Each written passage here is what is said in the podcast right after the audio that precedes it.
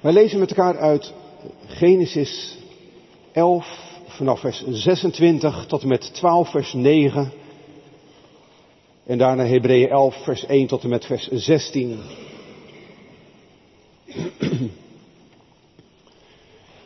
Dus Genesis 11 vanaf vers 26 tot en met 12 vers 9 en Hebreeën 11 vers 1 tot en met vers 16. En op die plaatsen luidt het heilig en gezaghebbend woord van God als volgt.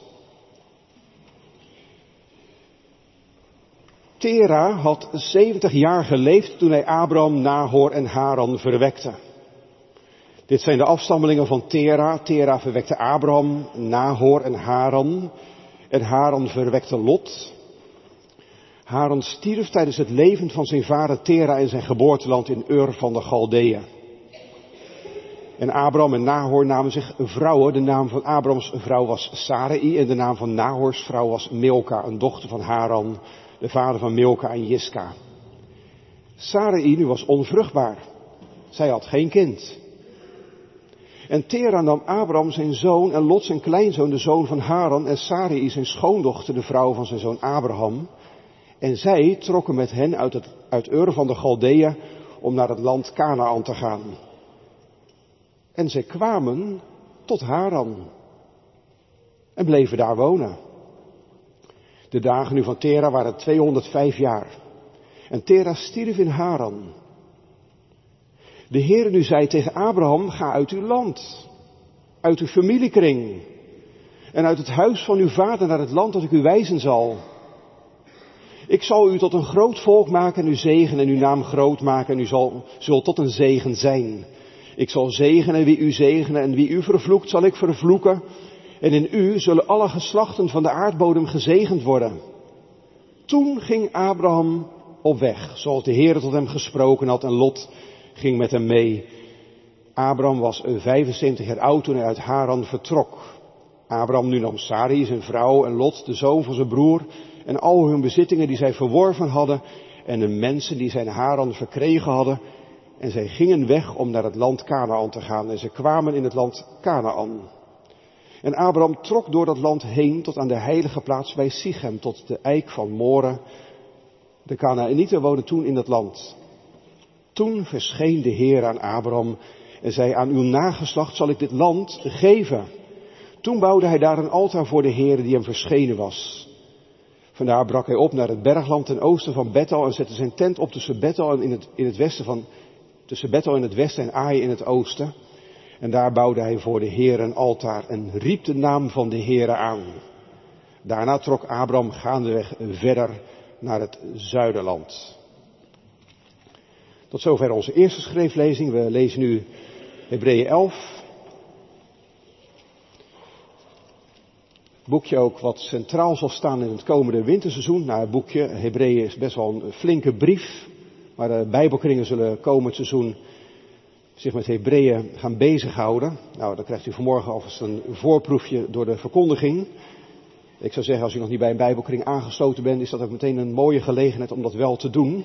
Want dan leert u veel meer over deze indrukwekkende brief. Eigenlijk je beter zeggen een preek, een grote, lange vermaning. Waaruit we nu hoofdstuk 11, vers 1 tot en met 16 lezen.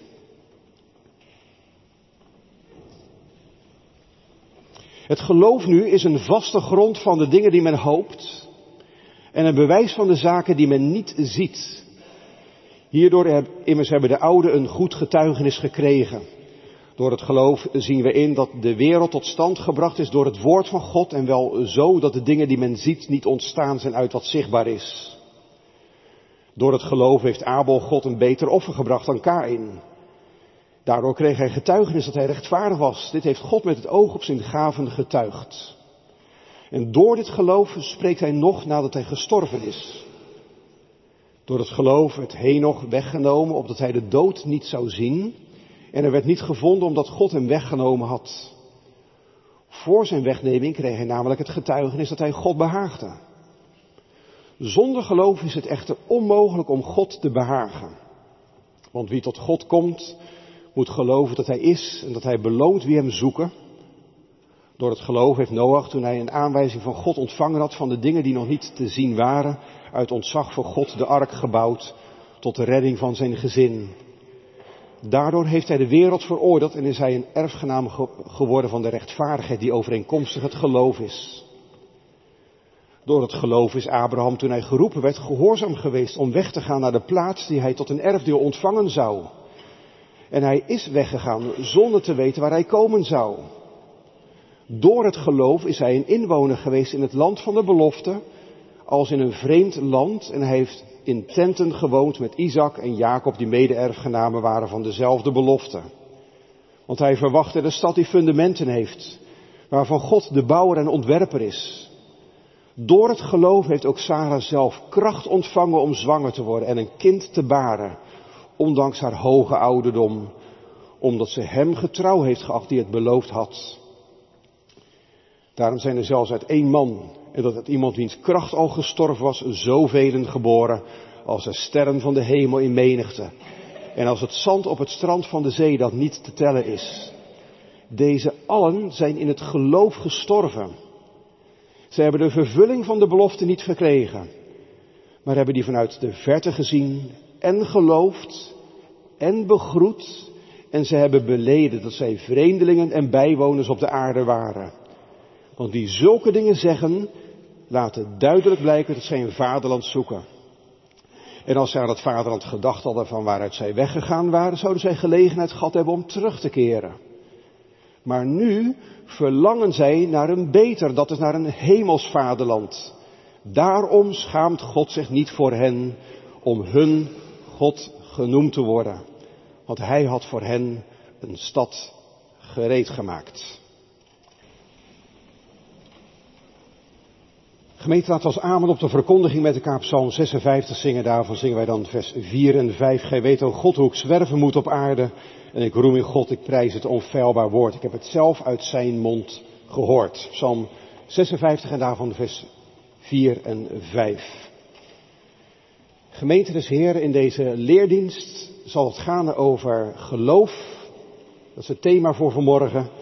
En de tekst de eerste tekst die ik daarbij heb uitgekozen is Hebreeën 11, vers 1. Want wat is nou eigenlijk het geloof? De Hebreeënbrief zegt, het geloof nu is een vaste grond van de dingen die men hoopt en een bewijs van de zaken die men niet ziet. Na een korte inleiding gemeten gaan we vier dingen over geloof met elkaar leren. Wat is geloof? Allereerst zekerheid. Vanuit vers 1. Daarna inzicht vanuit vers 3 of kennis.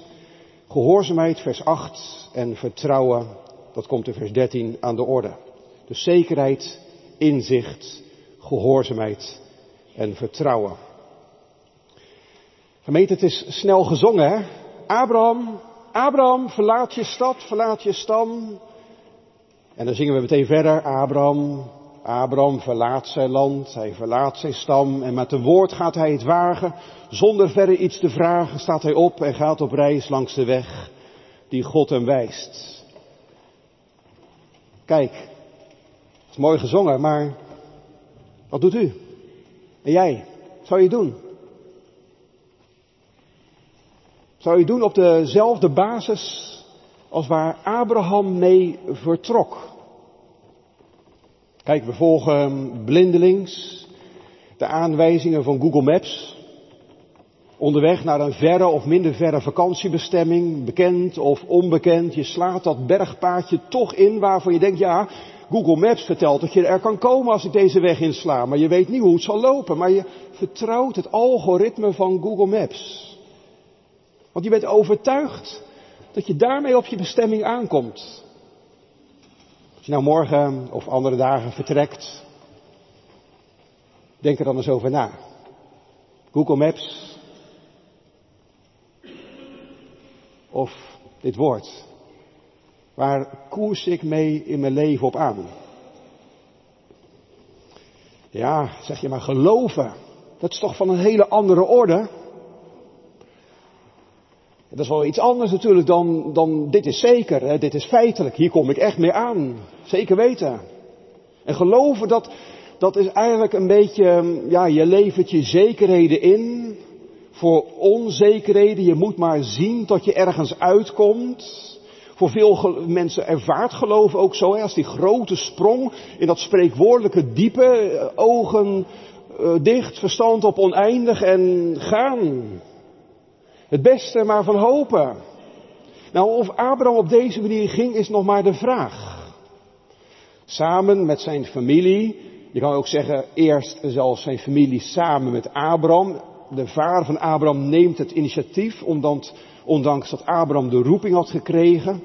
Daarom hebben we Genesis 11 ook eh, gelezen. Tera, die neemt Abraham mee. Ze verlaten hun, hun stad, hun stam en ze gaan onderweg. Maar dan moet je thuis maar eens je bijbelse afwas erop uh, bij halen. Dan blijven ze in Haran steken. Nog steeds in het oude vaderland. Weliswaar helemaal tegen de grens aan. Je kan als het ware niet verder, want dan kom je in het buitenland, maar nog steeds in Mesopotamië. En pas later, als Tera gestorven is, dan is het ik vertrek. Wat is dit? Zou Abraham hebben getwijfeld? Heb ik die stem wel echt gehoord? Is het allemaal wel waar? Waar ben ik aan begonnen? Geloof gemeten kan door zulke vragen heen gaan. En nog wel meer ook. Ik durf vanmorgen ook wat te zeggen, geloof zonder vragen breekt stuk op het moment dat de echte vragen zich in je leven aandienen. Geloven gaat door die vragen heen. En het is goed om daar rekening mee te houden. En om nog zekerder te weten, wat is nou geloven eigenlijk? Als ik vanmorgen een kleine definitie mag geven, en hij zal u bekend voorkomen, want hij is gewoon ontleend aan de catechismus, dan zou je kunnen zeggen, geloven is vast vertrouwen, zeker weten. Dat is de Heer Jezus persoonlijk kennen en je aan Hem toevertrouwen als je Heere en Zaligmaker. Dat is geloven. En dan gaan we er vier dingen over zien vanmorgen. Geloven is zekerheid. En ik kan me direct je vraag voorstellen, is het nou allemaal wel zo zeker? Het kan juist zo'n strijd zijn in je leven om je, om je aan de Heere over te geven. En je gaat door aanvechting en twijfel heen. Het kan er allemaal zijn, als gelovige kan je ook een stilstand in je geloofsleven ervaren. Zoals Abraham die ergens bij de grens van het beloofde land bleef hangen. Als gelovige kan je worstelen met je ongeloof. Zoals die vader van die maanzieke jongen. Ik geloof, maar kom een ongeloof te hulp, heren. Als gelovige kan je zoeken naar zekerheid, naar bewijzen eigenlijk zelfs, zoals Thomas. Eerst zien, dan geloven. En zo kan je nog wel meer dingen bedenken waarbij geloven nou niet zo vanzelfsprekend is als dat wij vaak zeggen. En juist daarom zet de Hebreeënbriefschrijver in met zekerheid. Dat is de ware aard van geloof. Het geloof nu is een vaste grond van de dingen die men hoopt. Dus geen stap in het onbekende met je ogen dicht en maar zien waar het op uitkomt. Waarbij je maar hoopt dat het niet één grote vergissing is. Je hoort misschien die of die nog spreken. Ja, er is nog nooit iemand teruggekomen. We moeten maar zien straks. Nee, geloof is zekerheid. Het geloof draagt de gelovige. Het is de vaste grond waar je op staat. En dat moet je dus nooit omkeren. Dat de gelovige het geloof draagt. Ja, maar ik voel niets, zeg je, of ik beleef het anders. Geloven is voor veel van onze tijdgenoten en voor ons ook misschien wel vandaag de dag maar vaag. Het voor anderen oncontroleerbare persoonlijke gevoel wat je wel of niet kan hebben. Het kan ook heel erg beïnvloed worden door je karakter, je opvoeding, je omgeving, je bronnen of bijvoorbeeld je opleiding. Het maakt dan nogal verschil of je misschien een beetje twijfelend karakter hebt. Of juist een zelfverzekerd karakter. Natuurlijk beïnvloedt je omgeving jouw geloofsleven. Op het hoger onderwijs, ik denk dat er ook vanmorgen wel studenten zijn, op het hoger onderwijs word je volgegoten met het zogenaamde wetenschappelijke wereldbeeld. Dat moeten ze onderwijzen van onze minister en onze wet. Dat is het uitgangspunt. Daar moet je als gelovige je weg maar wel in zien te vinden. En dat kan alleen op basis van het geloof dat ons draagt en wil dragen, dat aan, dat aan ons geloof voorafgaat. Het geloof nu, dus niet de gelovige, maar het geloof nu is een vaste grond. Dat woord heb ik nu een paar keer laten vallen, het geloof. Wat is dat eigenlijk? Wat wordt hier bedoeld in de Hebreeënbrief? Daarmee wordt het bijbelse, genormeerde en gevoede geloof bedoeld. Alles dus wat uit de Bijbel opkomt, wat als een soort raamwerk naar buiten komt van dit is wat wij met elkaar geloven. Alles wat God in zijn woord heeft geopenbaard. Dat, dat is de vaste basis van het geloof. De enige norm voor ons geloofsleven. En het einde van alle tegenspraak. Dat biedt vaste grond. En daarmee is elke Thomas Christen geholpen. Niet met het bevoelen van Jezus wonden. Of welke ervaring je dan ook verlangt.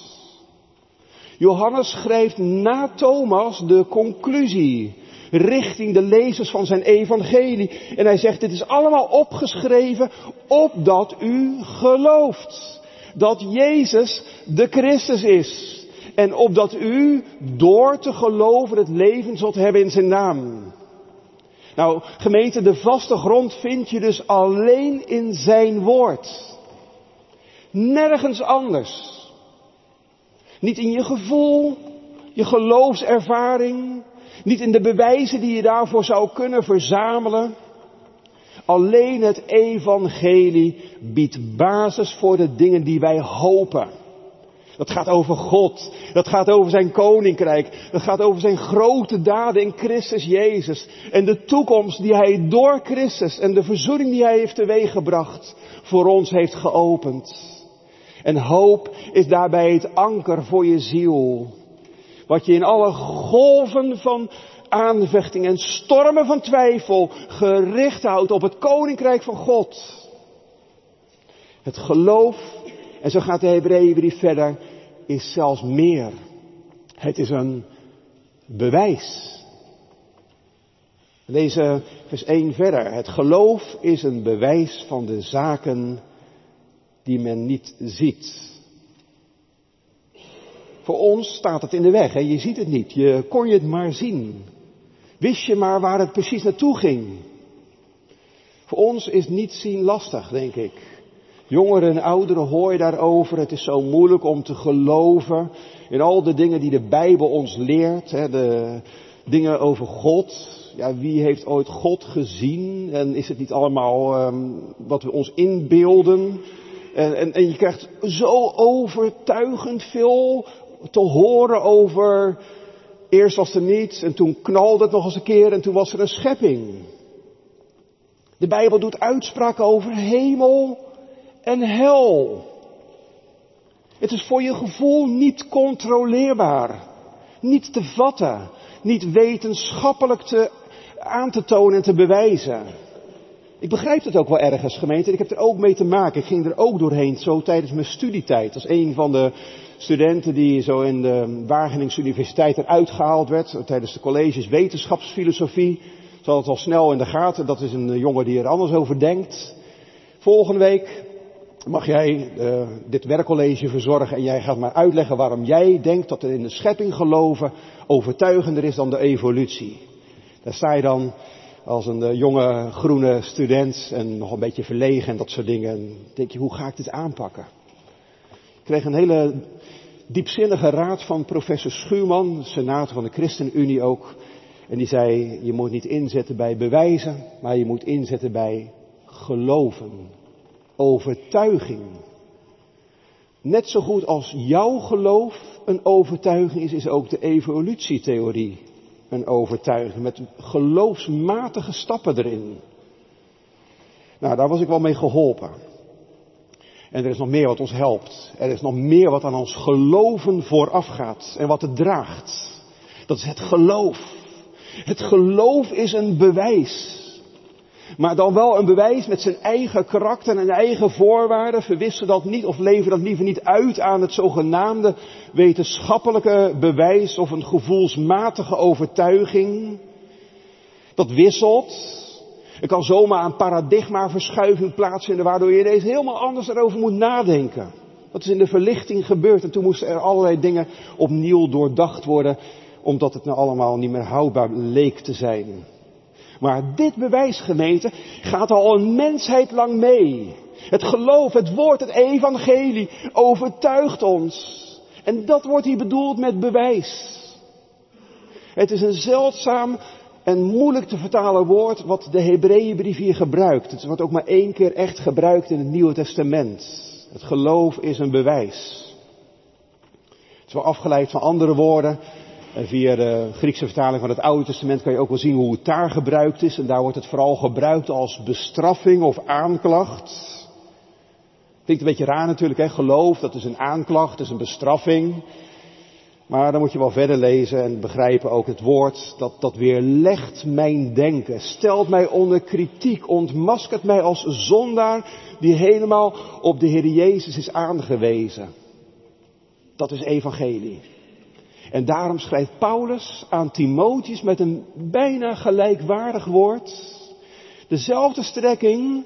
En Paulus zegt dan heel de schrift, heel de Bijbel is door God ingegeven en is nuttig om daarmee te onderwijzen.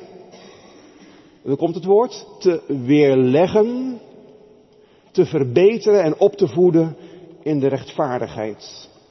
Dus het geloof is een weerlegging van onze natuurlijke mindset, ons natuurlijke denken. Of je nou voor of na de verlichting leeft, of je nou net onder die steen komt vandaan kruipen, of misschien een hele moderne westerse jup bent.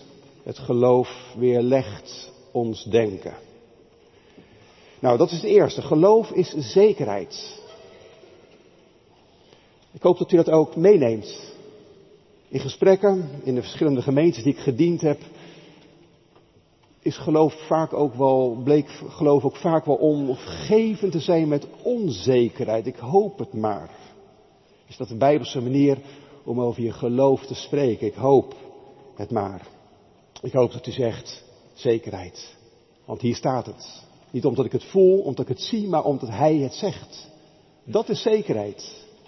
We gaan snel door naar het volgende. Geloof en inzicht. Geloof en kennis. Nou ja, dat voorbeeld van de universiteit, dat herkent u misschien wel. Eh, je wordt er wat meewarig aangekeken in je omgeving als je zegt, ja, ik ben een christen, ik geloof. Dan kunnen mensen reageren eh, op de manier van, ja, die gelooft nog in fabeltjes en zo. Die is een beetje ehm, mm, niet van deze tijd, zeg maar. Verhaaltjes en dingen die al lang door de wetenschap zijn achterhaald en ingehaald. Zelfs mensen die zeggen gelovig te zijn, doen in dat koor mee. Die maken een knieval voor het zogenaamde wetenschappelijke wereldbeeld. Een paar jaar geleden verscheen een kinderboek. Het heeft, eh, het heeft een titel meegekregen van Oer. En daarin vind je notabene een synthese, een samenvoeging van bijbelsdenken en de evolutietheorie.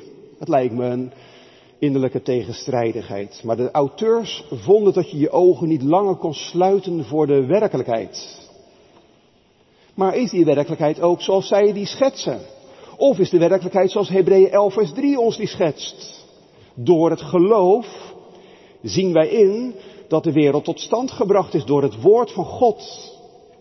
En wel zo dat de dingen die men ziet niet ontstaan zijn uit wat zichtbaar is. Door het geloof zien wij in. Je kan het zelfs nog letterlijker lezen en vertalen. Door het geloof weten wij. Het woord dat hier gebruikt, dat is afgeleid van het woord van voor verstand. En als u de oude staatsverzameling nog voor u heeft, dan zult u daar lezen dat er staat door het geloof verstaan wij. De Heilige Geest opent de ogen van je verstand voor de dingen die je zonder geloof niet zag niet begreep, omdat je er verblind voor was of voor bent. Dus gemeente, wij moeten het vanmorgen als we bijbels denken wel omdraaien. Door het ongeloof weten wij niets van Gods werkelijkheid. Zien wij niets van de geestelijke realiteit waarin wij allemaal leven en waarmee wij allemaal te maken hebben. Door de zondeval zijn wij verblind geraakt voor Gods werkelijkheid. In de Romeinenbrief opent Paulus daarmee. Ik lees vers 20 en 21 voor. Want de dingen van Hem die onzichtbaar zijn, worden sinds de schepping van de wereld uit zijn werken gekend, doorzien, namelijk en zijn eeuwige kracht en zijn goddelijkheid, zodat zij niet te verontschuldigen zijn. Want ze hebben, hoewel zij God kennen, Hem niet als God verheerlijkt of gedankt. Maar zij zijn verdwaasd in hun overwegingen en hun onverstandig hart is verduisterd. Dus dat is er aan de orde. Van nature in ons leven. Wij willen het van nature niet eens weten, we kunnen het niet eens zien. En als je dat op je in laat werken, is dat, is dat ronduit aangrijpend. Ook om te zeggen zelfs morgen. Ook dat, dat Paulus dan zegt, maar je bent niet te verontschuldigen. Waar je ook leeft. Op deze wereld. Welk kader je ook meekreeg van je ouders. God behandelt elk mens, waar dan ook, wie dan ook, als volledig, ontoe, als volledig toerekeningsvatbaar. Zou ik het bijna nog verkeerd omzeggen. Het geloof, het ongeloof is niet iets onschuldigs. Dat is het allerergste zelfs wat wij God kunnen aandoen. Hem voor een leugenaar houden.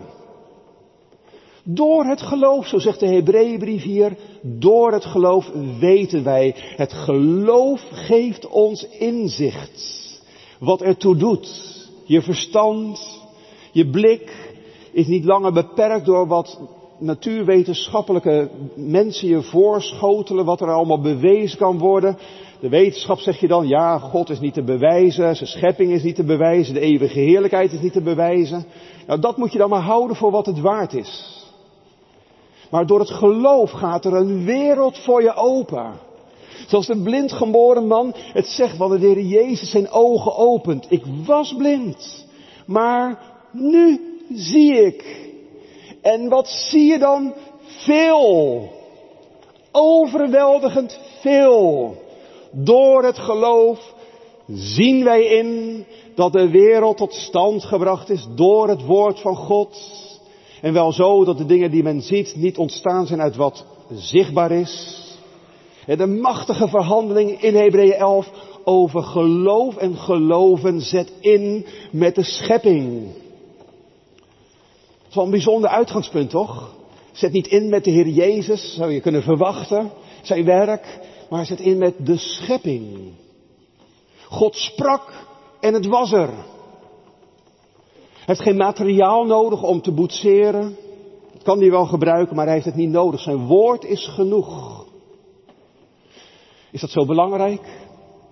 Nou, oordeel zelf, gemeente, is dat zo belangrijk? Maar als deze verhandeling van het geloof over het geloof daarmee inzet, is dat blijkbaar wel de basis onder geloof.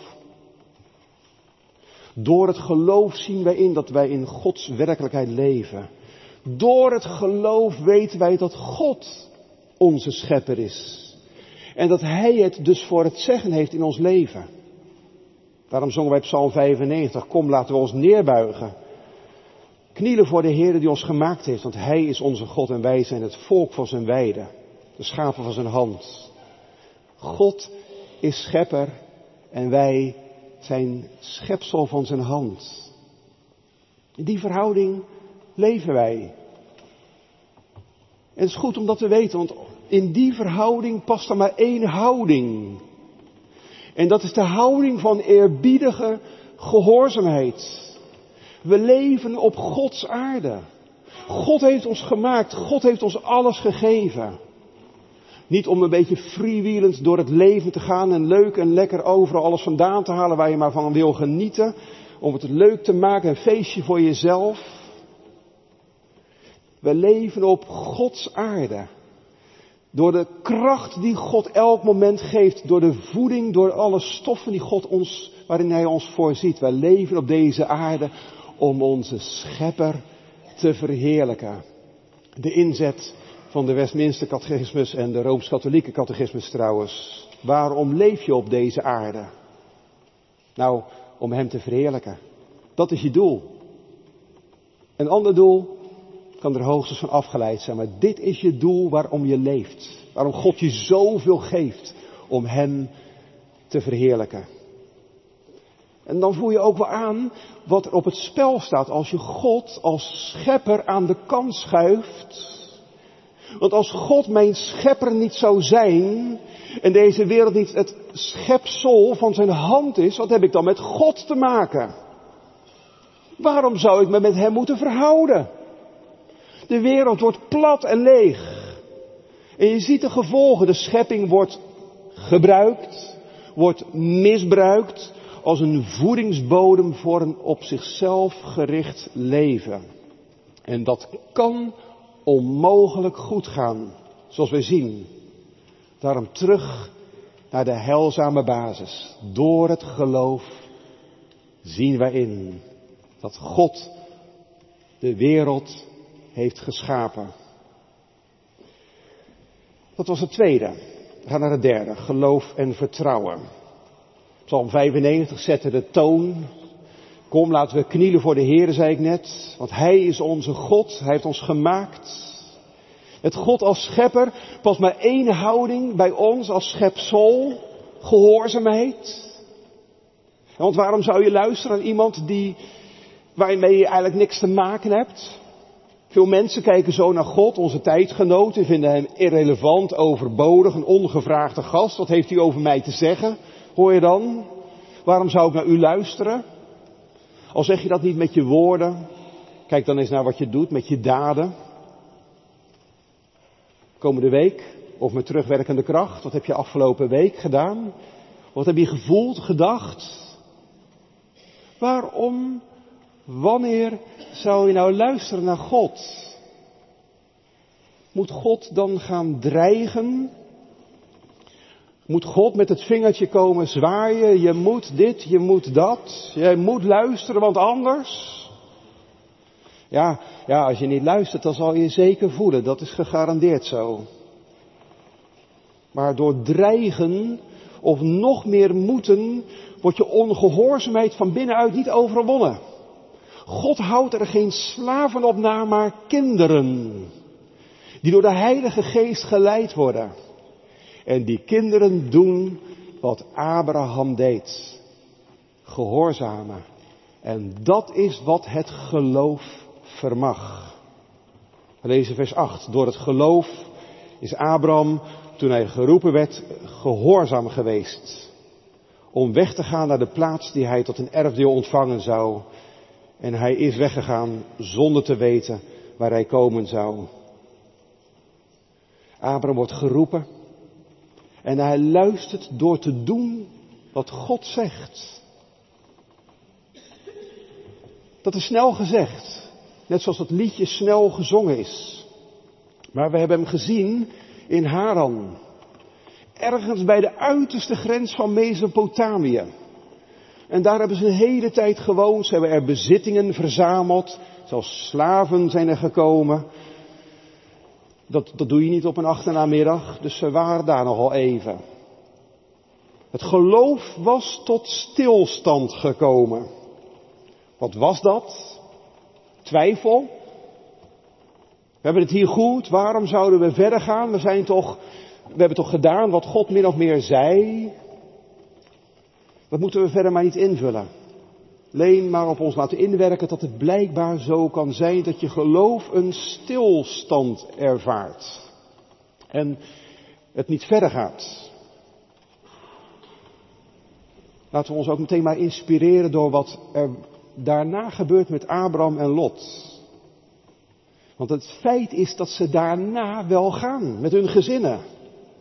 En daarvan zegt de Hebreeënbrief, door het geloof is Abraham, toen hij geroepen werd, gehoorzaam geweest. Niet, een klein beetje, zeg maar, tot de uiterste grens of voor de helft, iets minder dan, maar helemaal. Hij gaat omdat God het zegt. Waarheen? Hij had geen idee. Hij moest zich bij elke stap die hij zette laten leiden door God. Naar het onbekende land. Gehoorzamen is niet eenmalig. Zo van je doet het en daarna gaat het vanzelf wel verder. Maar gehoorzamen is een basishouding in geloven. Heren, wat wilt u? Heren, waarheen moet het naartoe met mijn leven? Zegt u het maar. Laat mij niet zelf mijn lot beslissen, zo zingt een lied. Ik sta tot uw beschikking, zingt een ander lied. U behoor ik toe. Ja? Dat is wel een gewaagde stap, hè? Want dan, dan bepaalt God het ook echt in je leven. En dan komt Abraham wel aan in het beloofde land. En God zegt, dit is het land dat ik jou, je kinderen, zal geven. Dus niet aan jou, als je goed luistert, Abraham, maar aan je kinderen. Ik kom daar bij het volgende stukje nog op terug. Nou, God openbaart dat stukje bij beetje aan Abraham. Hij maakt dat niet in één keer duidelijk door de hele route te geven, maar door de omstandigheden werd het hem duidelijk gemaakt. Hij moest daarin elke keer weer terug naar God. Abraham heeft nooit één vierkante meter grond van Canaan bezeten. Behalve het duurgekochte graf van Sarah. Nou, daar heb je dan alles voor verlaten. Alles opgegeven. Al je zekerheden, al je relaties, je bezit. Begrijp je het, wat Peters in een ander verband zegt? We hebben er een poosje geleden bij stilgestaan. Heren, we hebben alles verlaten. We zijn u gevolgd. Wat zal dan ons deel zijn, die, die vertwijfeling ook ergens, waar, waar je doorheen kan gaan in het geloof? Jezus roept zijn leerlingen inderdaad zoals God Abraham riep. Als iemand achter mij aan wil komen, dan moet je jezelf verlogen, je kruis opnemen, mij volgen.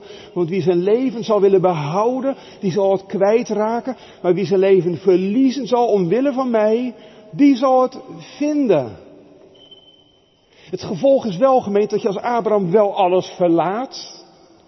Maar tegelijkertijd het beloofde land nog niet ten volle ontvangt. In mijn eigen woorden gezegd, geloven is de hemel nog niet. De Heer roept ons los. Als je gehoorzaamt, word je een zwerver. De wereld is je thuis niet.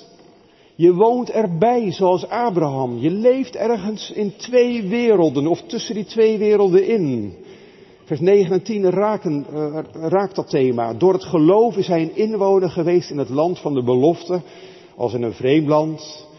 En hij heeft in tenten gewoond met Isaac en Jacob, die mede-erfgenamen waren van dezelfde belofte. Want hij verwachtte de stad die fundamenten heeft, waarvan God de bouwer, de ontwerper en bouwer is. Dus door het geloof is Abraham een inwoner geworden zonder permanente verblijfsstatus. En wat dat betekent, daar kan je in ons land al genoeg van zien. En ons kabinet heeft er de brui aan gegeven op basis van dit thema. Petrus pakt dit thema op door een brief te schrijven aan mensen die hij vreemdelingen en bijwoners noemt. Dat kenmerkt geloven dus. Hier beneden is het niet. Je bent op reis naar een andere bestemming, zoals vroeger plechtig al gezegd werd vanaf de preekstoel, op wegreis naar de nimmer eindigende eeuwigheid. En dat is waar. Die eindigt niet. Hier beneden eindigt alles wel. Je hebt hier geen blijvende stad. Maar daar wel. En Abraham is daar naartoe onderweg. En wat bent u? Wat ben jij? Abraham kent zijn God. Hij vertrouwt zich toe aan zijn belofte. Door het geloof heb je verwachting van, voor Gods toekomst. Die toekomst die er aankomt. Die Johannes in de openbaring al te zien krijgt. Ik, Johannes, zag de heilige stad van God neerdalen van God uit de hemel. Helemaal door hem gereed gemaakt. En dan slaat God zijn tent bij ons op. Hij zal bij hen wonen en zij zullen zijn volk zijn en God zelf zal bij hen zijn en hun God zijn. Dat is gemeente eindelijk thuis. Als het zover is en tot die tijd weet God hoe je wel moet zwerven op deze aarde. Waar ben je thuis? Zouden we vanmorgen elkaar kunnen vragen. En dan gaan we nu naar het laatste. Het gaat over geloof en zekerheid, geloof en inzicht, geloof en gehoorzaamheid en nu geloof en vertrouwen. Abraham is natuurlijk een prachtig voorbeeld. Hij wordt niet voor niks in de Hebreeënbrief genoemd als een van de belangrijke voorbeelden van wat, wat geloven nu eigenlijk is. Aan hem kan je zien wat het betekent in de praktijk. Nou, die stilstand in Haran, gehoorzaamt hij echt, God wijst hem de weg. En als hij er dan is, zegt God, dit land geef ik aan je nakomelingen. Dus Abraham komt wel in het land, dan is hij er. En dan zegt God, maar je krijgt het niet, dat, dat, dat krijgen jouw kinderen. Maar hij heeft helemaal geen kinderen. Hoe moet dat nou? Je hebt niks. Waar kan de belofte nou op in vervulling gaan? Hij is zwerver voor de rest van zijn leven. En dan zijn ze ook nog eens oud geworden, notabene. Zijn kracht is gestorven. Daar komen geen kinderen meer uit. Oh nee. God doet wonderen. Als hij de hemel en de aarde schept met één woord, dan is hij niet beperkt tot onze natuurlijke grenzen. En dat is wat Abraham hier leert. Zo lezen wij vers 13. Deze allen zijn in, geloof, in, het, in het geloof gestorven. Ze hebben de vervulling van de belofte niet verkregen, maar hebben die vanuit de verte gezien en geloofd en begroet. En ze hebben beleden dat zij vreemdelingen en bijwoners op de aarde waren. Als je de moeite zou willen nemen, gemeente, een mooie bijbelstudie tijdens uw vakantie misschien, om het leven van Abraham eens aandachtig door te lezen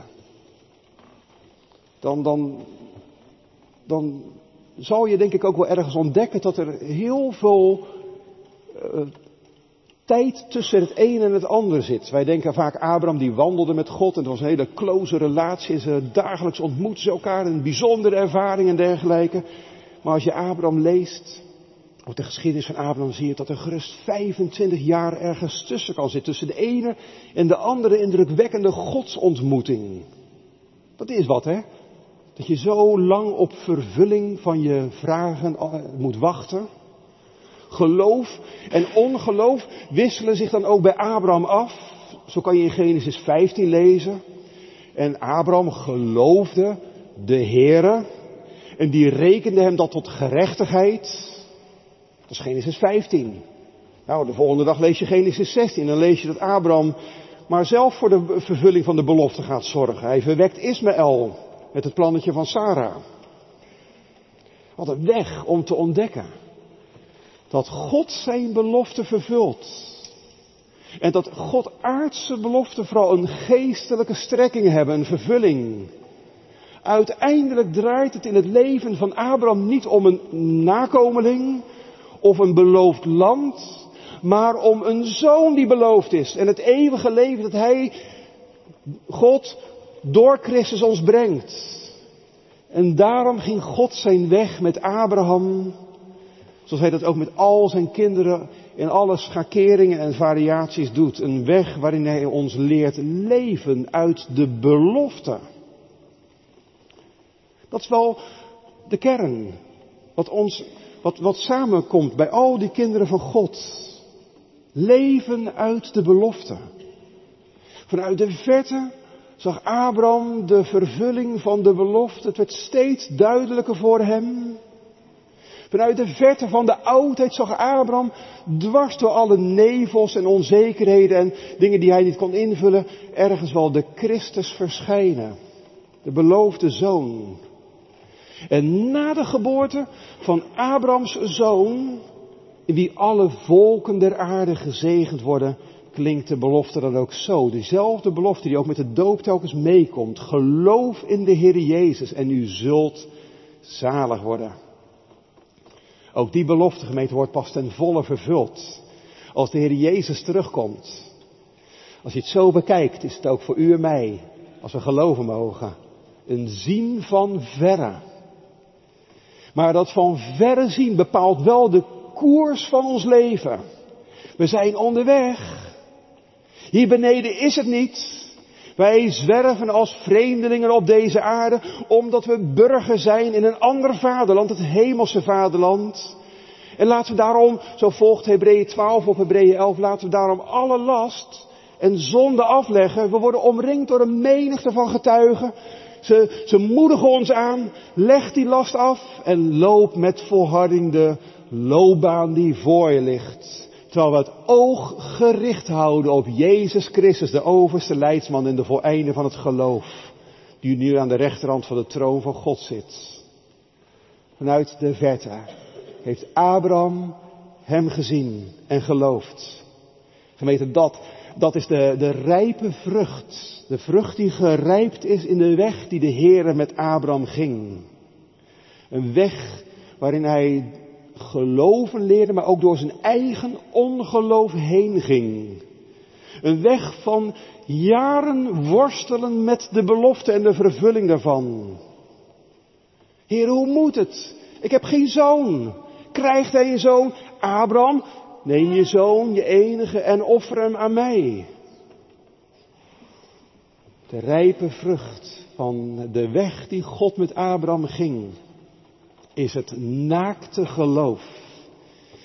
Waarin hij niets meer en niets anders overhoudt dan de belofte. En niets anders kan en wil gehoorzamen dan de belofte. Ja en amen in Christus Jezus. Gemeente, hoe is dat met u? Maak die balans eens op.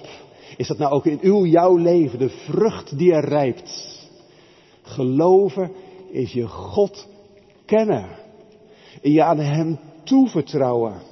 En dan kan je niet om Jezus heen, die ons de Vader leert kennen en het vaderland ontsluit. Daarom klinkt in het Nieuwe Testament de oproep, geloof mij en volg mij. Daar is meer voor nodig dan alleen Hem kennen. Alleen maar weten dat God bestaat, dat maakt je niet zalig. Dat geloven zelfs de duivels. Ze zitten er al bij. Daarom draait geloven gemeente om, om kennen, weten dus, en je aan Hem toevertrouwen. Dat ook aan jou, aan u, aan mij alles gegeven wordt door Jezus. En dankzij Jezus. Het hele persoonlijke klinkt in het derde woordje. Abraham heeft gezien vanuit de verte, hij heeft geloofd en hij heeft begroet. Pak vandaag uw oude statenvertaling nog eens een keer bij. Er staat zo'n mooi woordje. Daar staat het woordje, hij heeft die belofte omhelst. Gemeente, als je dat eenmaal ziet, dan vergeet je dat denk ik nooit meer. Hij heeft die belofte omhelst. Daarin zit iets van, zit iets van je eraan vastklampen. Je armen eromheen slaan, zoals de naar zekerheid zoekende Thomas deed. Mijn Heere, mijn God. Op dat persoonlijke komt het aan. Meer hoeft niet, met minder kan je niet, want dan kom je nooit op bestemming aan. Sta je buiten. Dus je moet je vastklampen aan God in Christus Jezus. En dan volgt er zoiets moois. Wat hier gezegd wordt over Abraham, over u die gelooft. Hij noemt zich hun God. Hij schaamt zich niet voor die mensen die twijfelend, zoekend, tobbend aangevochten hun weg gingen en vonden. Ziende op de belofte, ziende op de Heer Jezus, die als Abraham alleen maar lege handen overhielden, maar een God in de hemel die alles geeft. Hun God. En ik mag vanmorgen dan zo zeggen, jou, uw en mijn God. Nou, dan ben je zalig. Amen.